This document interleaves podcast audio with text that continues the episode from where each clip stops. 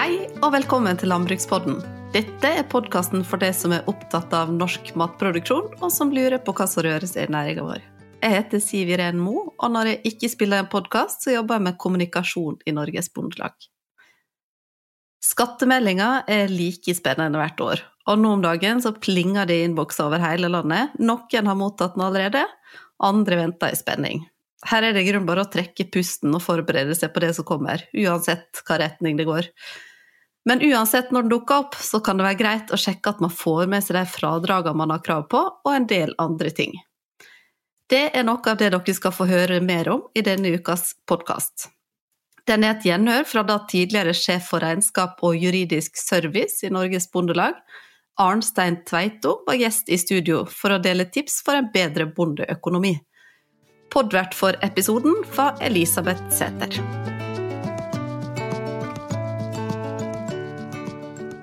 Arnstein Tveito, sjef i avdeling for regnskap og juridisk rådgivning i Bondelaget. Velkommen hit. Tusen takk for det. Er det mange som eh, ringer om dagen og ber om eh, økonomitips for å spare litt penger? Ja, altså det merker til årsoppgjørstid. Det er jo Mhm. en del frister rundt den tida her, da. Hva er det sånn at dere nå at telefonen gløder, og eh, altså, hvordan jobber dere på regnskapsserviceavdelinga Ja, altså, i Bondelaget? ja, vi er jo Bondelaget sin serviceavdeling, da, som det heter. Der merker vi, dere er veldig blide. Ja, ja, ja. Så dette er jo liksom eh, høysesong. Eh, Når de der ute har mest bruk for oss, så har jo vi òg høysesong.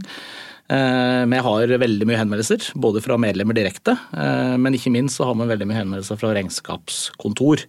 For Bondelaget har eh, samarbeidsavtale med over 300 regnskapskontor rundt omkring i hele landet. Som da i hovedsak er det som hjelper våre medlemmer med å få ført eh, sitt regnskap. Hva betyr det at vi har samarbeidsavtale med det? Ikke inngår i det? Får medlemmer i Bondelaget rabatt hvis de bruker de, eller hva, hva er Det liksom? betyr rett og slett at vi er et bakapparat for regnskapskontorene der ute. Eh, De betaler en kontingent for å få tilgang på å ringe våre advokater og økonomer og eh, få hjelp til å løse vanskelige spørsmål som de ikke trenger å diskutere med noen.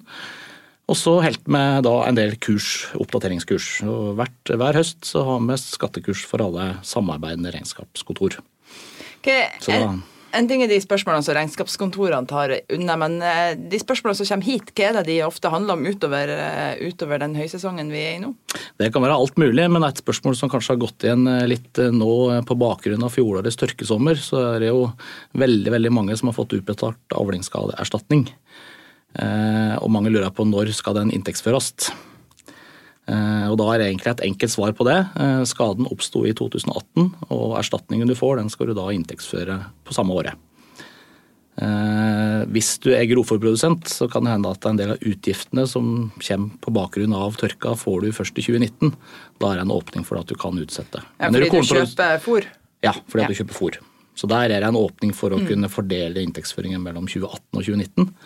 Men for kornprodusenter så skal alt inntektsføres i 2018, uavhengig av når du har fått utbetalt erstatningen. Ja, nei, den, den tørka, den eh, tror jeg vi vil uh, merke på mange måter fortsatt videre. Men tilbake til, til eh, dagen i dag, skulle du si, årsoppgjøret. Har du, har du sjekka sjølangivelsen du, Arnstein? Nei, jeg har ikke Tør gjort gjort det. Nei. Så med som er klarer å regne skatt sjøl, er ikke så veldig opptatt av å vente på det som kommer i årsmøtet. Altså, Så jeg må jo glise litt når jeg så tallene. Nå la jeg ut den eh, selvangivelsen på Altinn i går kveld klokka halv elleve. Klokka ni i dag så var det én million nordmenn som har vært inne og sjekka. Ja, men folk blir helt stengeren. Jeg er. Ja, ja, ja. Jeg hørte du sa gevinst da, Elisabeth. Eh, Det betyr bare at du betalte litt for mye skatt. ja, jeg har betalt Ja, ja. 600 kroner for mye skatt. det ikke verken tjent eller tapt. Du ikke, er du kan sitte der og på din høye hest, men alle som får igjen penger på skatten, syns det er liksom som å ha vunnet i Lotto. Litt tvungen sparing. Ja, det er jo noen som setter opp, eh, Mm. setter opp skatteprosenten sin ekstra. Jeg er ikke en av de, men da blir det en ekstra bingospenning rundt Ja. hva jeg har fått og ikke. Så det, jeg, jeg skjønner at det, som, det er ikke det eh, du som eh, økonom anbefaler, men har du noen gode tips til bønder som skal fylle inn, starte med årsoppgjøret og ja. Ja, altså noen, noen bønder fører regnskapet sitt sjøl. De har gjerne veldig bra oversikt, for dette er noe de gjør hvert år. Eh, Men det aller, aller fleste bruker regnskapsfører. Eh, Så mitt tips da, det er å tilrettelegge for at regnskapsføreren får gjort jobben sin. Og da må bonden passe på eh, bilagene sine, for de bilagene er faktisk verdipapir. Eh, Du får jo fradrag for alle kostnader som har med drifta å gjøre. Eh, Men du må dokumentere det. Du må ha bilaget som dekker utgiften. Er det Hvis du mange som bort det, blir det dyrt. Ja, det er nok en del som kunne vært flinkere. Men ikke bare, altså Noen kvitteringer sånn i butikken og sånn skjønner jeg jo, men er ikke liksom stort sett de store utgiftene eh, til bonden er ikke de digitale? Jo, det er kanskje litt av det som er problemet i dag òg, at nå får bondene eh, tilsendt bilagene sine på så mange forskjellige måter. Han kan gå i butikken og få et kontantbilag. Han får faktura i posten. Så får han gjerne en del på e-post. Uh, og da skal du passe på å samle det her eh, løpende, ellers så får du en ekstra jobb på slutten av året. Ja, men det er det, gjør. vet du, jeg har sett faren min holdt på med det her, og det, det, det, det har sikkert blitt mye bedre etter at jeg flytta hjemmefra. Det var, altså, det var Ja, det så ikke ut på kjøkkenet. Eh, men, men for å motivere folk da, som sitter med denne bunken med skjetne og krøllete regninger, Mm. hva er liksom gevinsten i kroner og øre for å ta godt vare på bilagene? Et veldig godt eksempel da, på at dette faktisk er en verdi, det er hvis du har kjøpt en ny, eh, ny maskin til 12 500 kroner, mm -hmm. inklusiv moms. En liten sensor på traktoren. Ja, for eksempel. Den kan du trekke fra, men da må du ha bilaget. Så finner du ikke igjen det bilaget. Eh, Da får du ikke eller da får du ikke tilbakebetalt den momsen som du egentlig har lagt ut. Og det er jo 2500 kroner. Og I tillegg så vil du jo da ikke kunne trekke det fra i regnskapet, slik at eh, det medfører økt skatt.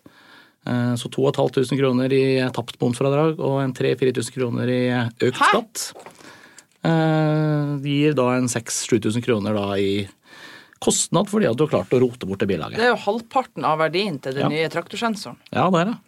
Ja, det, det, er, altså, det, er vel litt for seint nå hvis du allerede har rota bort bilaget. Eh, men det er bare å passe på. Da har du andre tips til hvordan man kan ha litt sånn orden og struktur. Altså, Pengene flyger jo ut. Og det er jo ikke bestandig man er altså Nå snakker jeg for meg sjøl.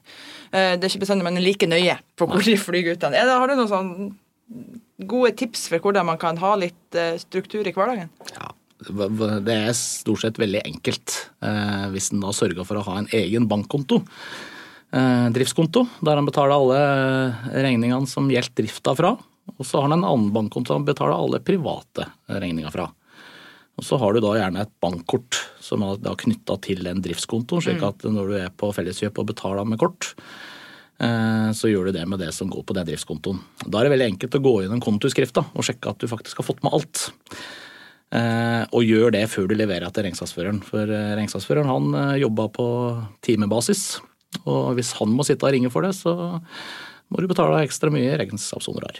Så eh, gjør den lille jobben, og gjør det gjerne gjennom året, og ikke sånn, sånn skippertak. da. Det, det er lett å være etterpåklok. Altså, hvor går grensa på hva man kan få fradrag for på skatten? Eksempel eh, hvis at eh, Lett å si at en, en eh, bonde har lyst til å ha litt sånn eh, teambuilding på gården, og det er jo da han og kjerringa som arbeider på gården. Og de, de tar seg kanskje en, en liten tur på byen, skulle og sier. Et lite julebord. Er det, kan man ha fratrekk på det? Nei, altså Det finnes mange kreative løsninger. Eh, Vi som jobber i Bondelaget, vi er jo på julebord her en gang i året. Ja, det må vi bare tilstå. Ja, men vi er ansatt. Og det å arrangere julebord for alle ansatte, det er et velferdstiltak som du vil få fradrag for. Men eh, mann og kone som da tar seg helg til Oslo for å eh, si at det her var årets julebord i min bedrift, der får da ikke fradrag, for de driver da enkeltpersonsforetak og har ingen ansatte.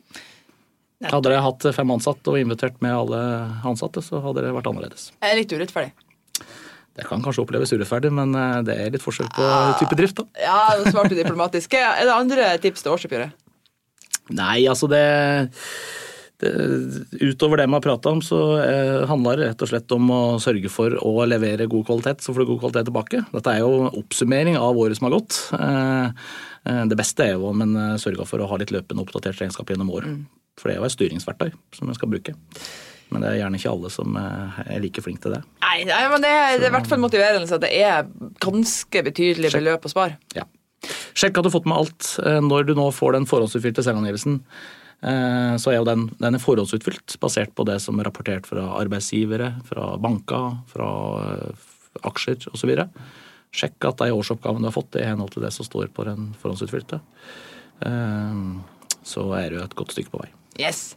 Eh, Da vi skulle, da jeg kom til Arnstein eh, og skulle smiske med han for å få han til å være med i poden, så jeg, jeg vil en pod med liksom, gode økonomiråd til bonden. Og så spurte om han hadde noen forslag til hva vi kunne snakke om, og da sa du til meg at eh, altså, en ting som bønder bør tenke over, det er at det er ikke bestandig lurt å prøve å få betalt minst mulig skatt. Det kan faktisk være fordelaktig for deg sjøl, ikke bare for statskassa.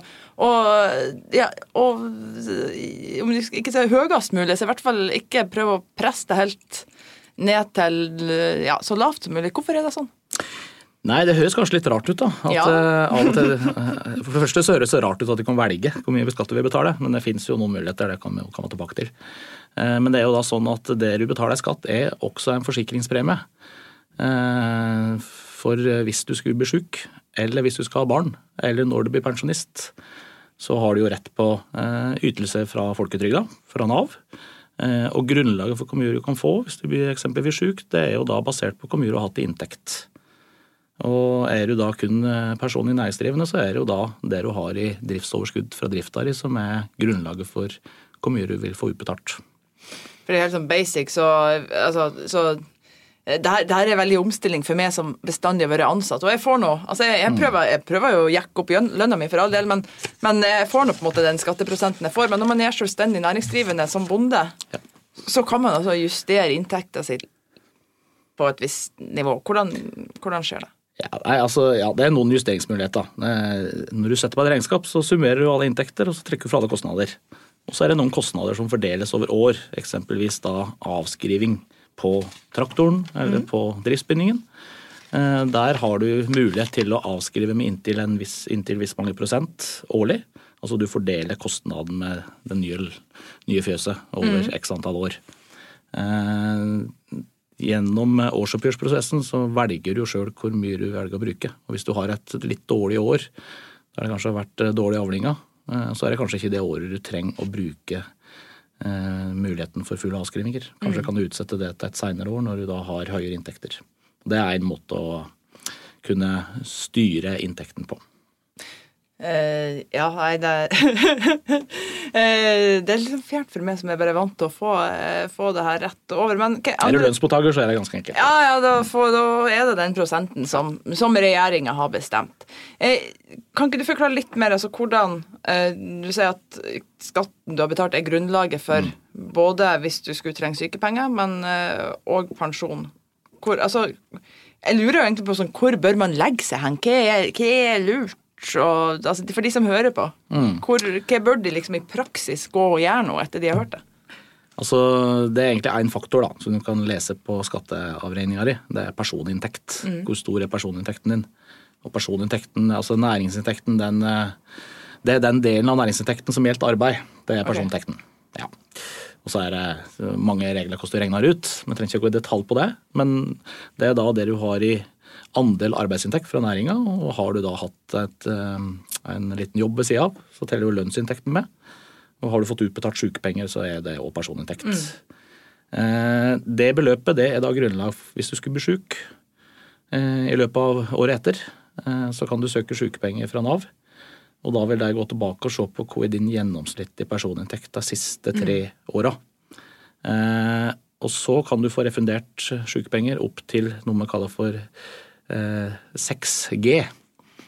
Eh, Og G det er det som er såkalt eh, folketrygdens grunnbeløp. Så 6G i dag, det er 580 000 kroner ca. Opp til det så får du da refundert fullt ut fra første krone, basert på gjennomsnittet av tre siste år. Og har du hatt tre dårlige år i forkant av at du blir sjuk, så vil jo da det du får, bli veldig lite. Så det, i praksis er det altså, så lønner det seg å holde personinntekter på rundt 6G? Ja, det kan være. Det er veldig komplisert. Det kommer an på altså det, er mange, det er ingen som planlegger å bli sjuk. Men noen kan kanskje tenke at det er mer utsatt for å bli sjuk eh, i en periode av livet enn ellers. Eh, foreldre som har eh, små barn må kanskje regne med at eh, enten deg eller barna blir sjuk. Eh, og er du i en sånn fase av livet, så er det greit å tenke gjennom og planlegge for å ikke mm, få for store økonomiske problemer hvis du skulle være så uheldig. Da.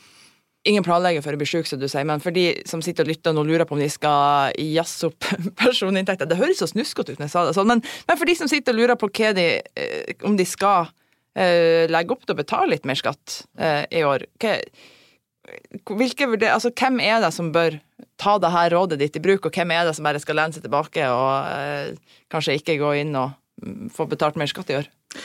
Ja, Vi har jo noen tommelfingerregler, eh, men det finnes selvfølgelig ingen fasit. Eh, men er du en ung bonde eh, i en fase hvor du er i ferd med å stifte familie, eh, og kanskje planlegge å få barn, eh, så vil du, veit du jo at eh, den som går ut og skal ha barn, den trenger da foreldrepenger. Mm.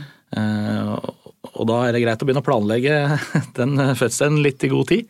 Eh, Ikke bare selve unnfangelsen, men òg ja. mm. Ta gjerne en prat med regnskapsføreren om det passer at jeg skal få barn nå. Jeg har hørt eh, episoder om det. At man spør regnskapsføreren før kona? Ja. Hæ? Altså Regnskapsføreren han veit kanskje mer om om en pensjon enn ektefellen sjøl gjør. Mange ganger. Er jo bare creepy, litt følelse av det. Ja, ok. Men det er i hvert fall Hvis du skal planlegge inntekten din, da, så er det greit å forutse hva som kan medføre at du får behov for det. Eh, og Da ønsker du jo mest mulig sykepenger, og da bør du ha en inntekt som ligger nærmest mulig 580 000 i en mm. gjennomsnittlig periode på tre år. I hvert fall høyest mulig ut fra det som er forutsetningene. Hvis du er ung og planlegger å bli gravid, skulle du si. Ja. Men en, for de som er litt oppi årene, som kanskje nærmer seg heller at de begynner å bli der at de vil at noen skal komme og overta for dem? Ja, nei, altså hvis du er etablert og har ikke småbarn lenger og eh, gode gener og føler deg rask og frisk, så, så er det ikke sikkert du trenger å planlegge eh, og betale mer skatt. Da kan det hende at du har sikrere nok så du tåler en uforutsett hendelse. Da. Da kan det kanskje være bedre istedenfor å betale mer skatt som forsikring for sykepenger, så kan det hende at det er mer Eh, fornuftig å nedbetale litt på gjelda, slik at mm. du da går inn i pensjonisttilværelsen med minst mulig gjeld, eller helst null. Eh, sa, sa, ikke du òg at her, eh, den eh, personinntekta gjaldt for beregning av pensjon? Ja, nei, altså Du tjener opp pensjon fra første krone opp til 7,1 G. Og 7,1 G det er ca. 690 000. Av de 690 000 så går 18,1% til den såkalte pensjonsbeholdningen. Kan jeg spørre, det er veldig mye sånn, Jeg har litt dårlig samvittighet sjøl, fordi jeg er en av de som ennå ikke har begynt å spare til pensjon og skjønner at ja, jeg burde gjøre det, osv., osv., mm. men det føles så langt fram til. Hva er det, Bør, bør bønder spare til pensjon på sida der man får trykket fra folketrygden? Ja, det er veldig vanlig. Altså, de fleste, heller ikke jeg, tenker så mye på pensjonen min. Eh, men det bør mange gjøre. Eh, det mange kanskje ikke tenker på, at det er flere enn tror som blir minstepensjonister. Eh, for du må faktisk i dag da, eh, ha ei inntekt på gjennomsnittlig ca. 450 000 kroner i året med dagens kroneverdi, eh, før du da får utløst noe mer enn garantipensjon mm. fra folketrygden.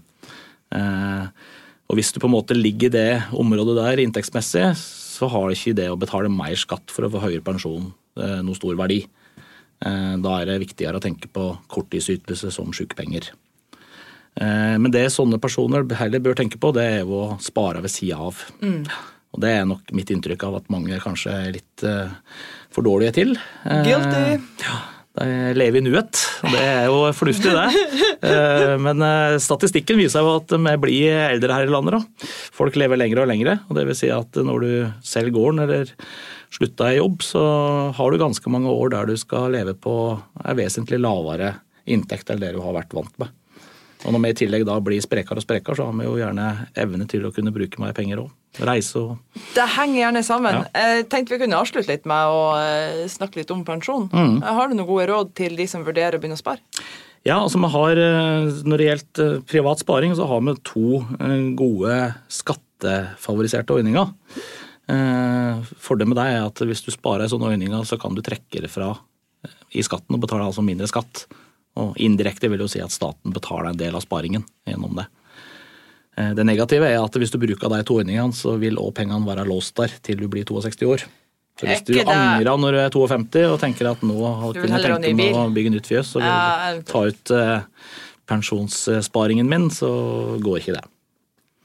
Så hvis du er av den som ikke helt klarer å tenke tanken på at pengene er låst, så bør du heller spare i vanlige aksjer som du kan selge når det passer. Hvilke type av de skattegunstige ordningene er det som finnes? Vi har to ulike ordninger. Vi har eh, noe som vi kaller for IPS og PSN. Så jeg kan forklare. IPS står for individuell pensjonssparing. Eh, der kan du spare inntil 40 000 kroner i året, eh, som du da kan trekke fra på selvangivelsen. Eller skattemeldingen, som det faktisk heter. Det gir fradrag i alminnelig inntekt, så skattebesparelsen er 23% av innskuddsbeløpet.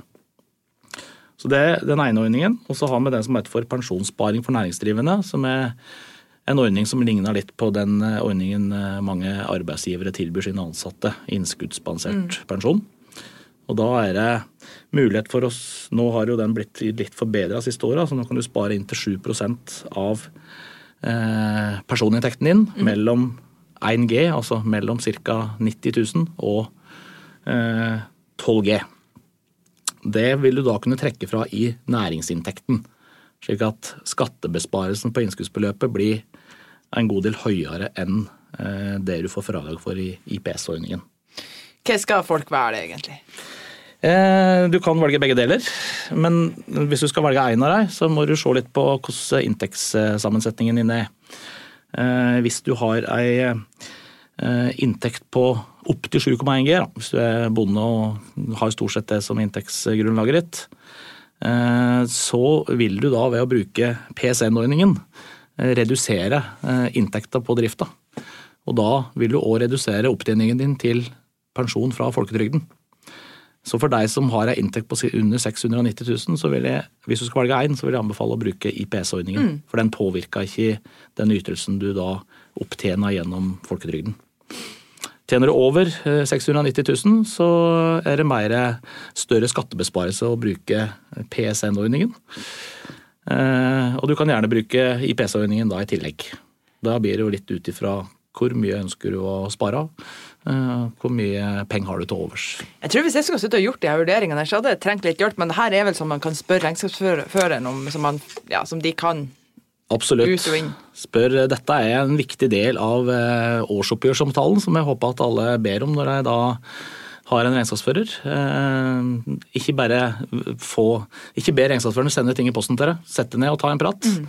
Eh, minst én gang i året, gjerne oftere, men i hvert fall én gang i året så må du innom regnskapskontoret og få en gjennomgang av din økonomiske status. Og bruk gjerne litt tid på å kikke framover og se på om det er grep du kan gjøre for å sikre økonomien i drifta di, og ikke minst å tenke litt langsiktig og tenke på konsekvensene hvis du skulle bli sjuk, og hva skjer når de blir gammel. Ja, for det kan være penger å spare. Det er jo et annet moment, det er jo de som nærmer seg nærmer seg 62 år og ser på muligheten for å overdra gården til neste generasjon, og som da tenker å bruke tidligpensjonsordningen som vi har i jordbruket, som er en egen, en egen tidligpensjonsordning som ligger i jordbruksavtalen. Mm.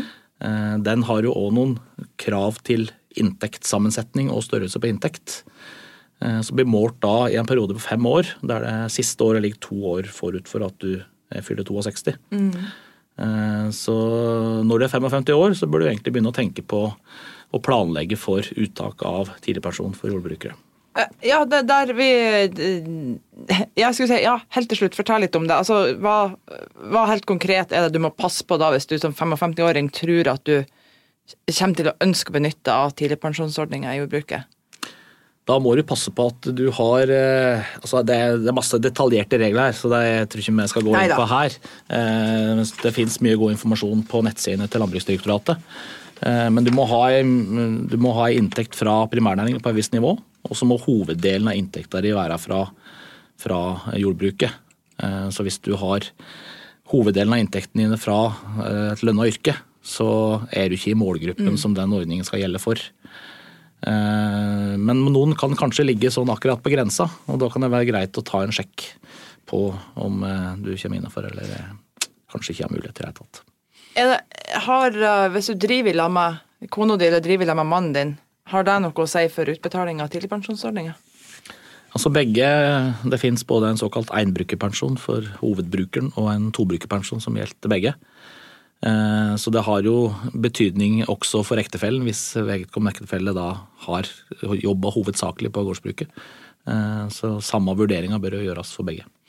Yes. Eh, tida begynner å renne litt ifra oss, så egentlig der at jeg, altså, jeg, jeg skjønner hvis at du som sitter og lytter, har liksom, ok, jeg føler nå at det er veldig mye du burde ha én fått svar på fra meg, Varnstein, men to òg funnet ut av. Og da kan man, så du sier, ta kontakt med regnskapsfører. Og så regner jeg òg med at vi har en del informasjon på nettsidene våre, bondelaget.no. Absolutt. Eh, Vi har eh, de fleste som er medlem, eller Alle medlemmer i Bondelaget har jo Bondeblad. Ja. Og i februar så er det et ganske stort eh, bilag der som heter for Årsoppgjørsbilaget. Og der står alt jeg prater om nå, og veldig mye mer, eh, som vi veit blir brukt. For det får vi mange henvendelser på bakgrunn av. Er du medlem i Bondelaget, så kan du selvfølgelig også ringe til russ og spørre. Skut og si det, hvis man sitter og er helt forbart, kan man slå på tråden. Da kan du slå på tråden. Absolutt. Det er bra. Og i tillegg så eh, bruk regnskapsføreren din, for han er ekspert på det her, og han kjenner økonomien din kanskje minst like godt som du gjør sjøl. Si, Han kjenner kanskje det sjøl bedre enn du gjør sjøl. Ikke ta 'accept all changes' og godta å sende inn uh, sjølangivelsen sånn som undertegnede gjør av og til. Arnstein, tusen takk for at du hadde mulighet til å komme, og tusen takk til dere som hører på. Vi i Landbrukspodden tar en kort påskeferie og er tilbake uka etter påske. Da skal vi snakke om HMS i landbruket, med spesielt fokus på beltebruk i traktor. Ha en riktig god påske så lenge, og husk belte når du skal ut med traktoren. Du har hørt på Landbrukspodden, en podkast fra Norges Bondelag. Vi høres.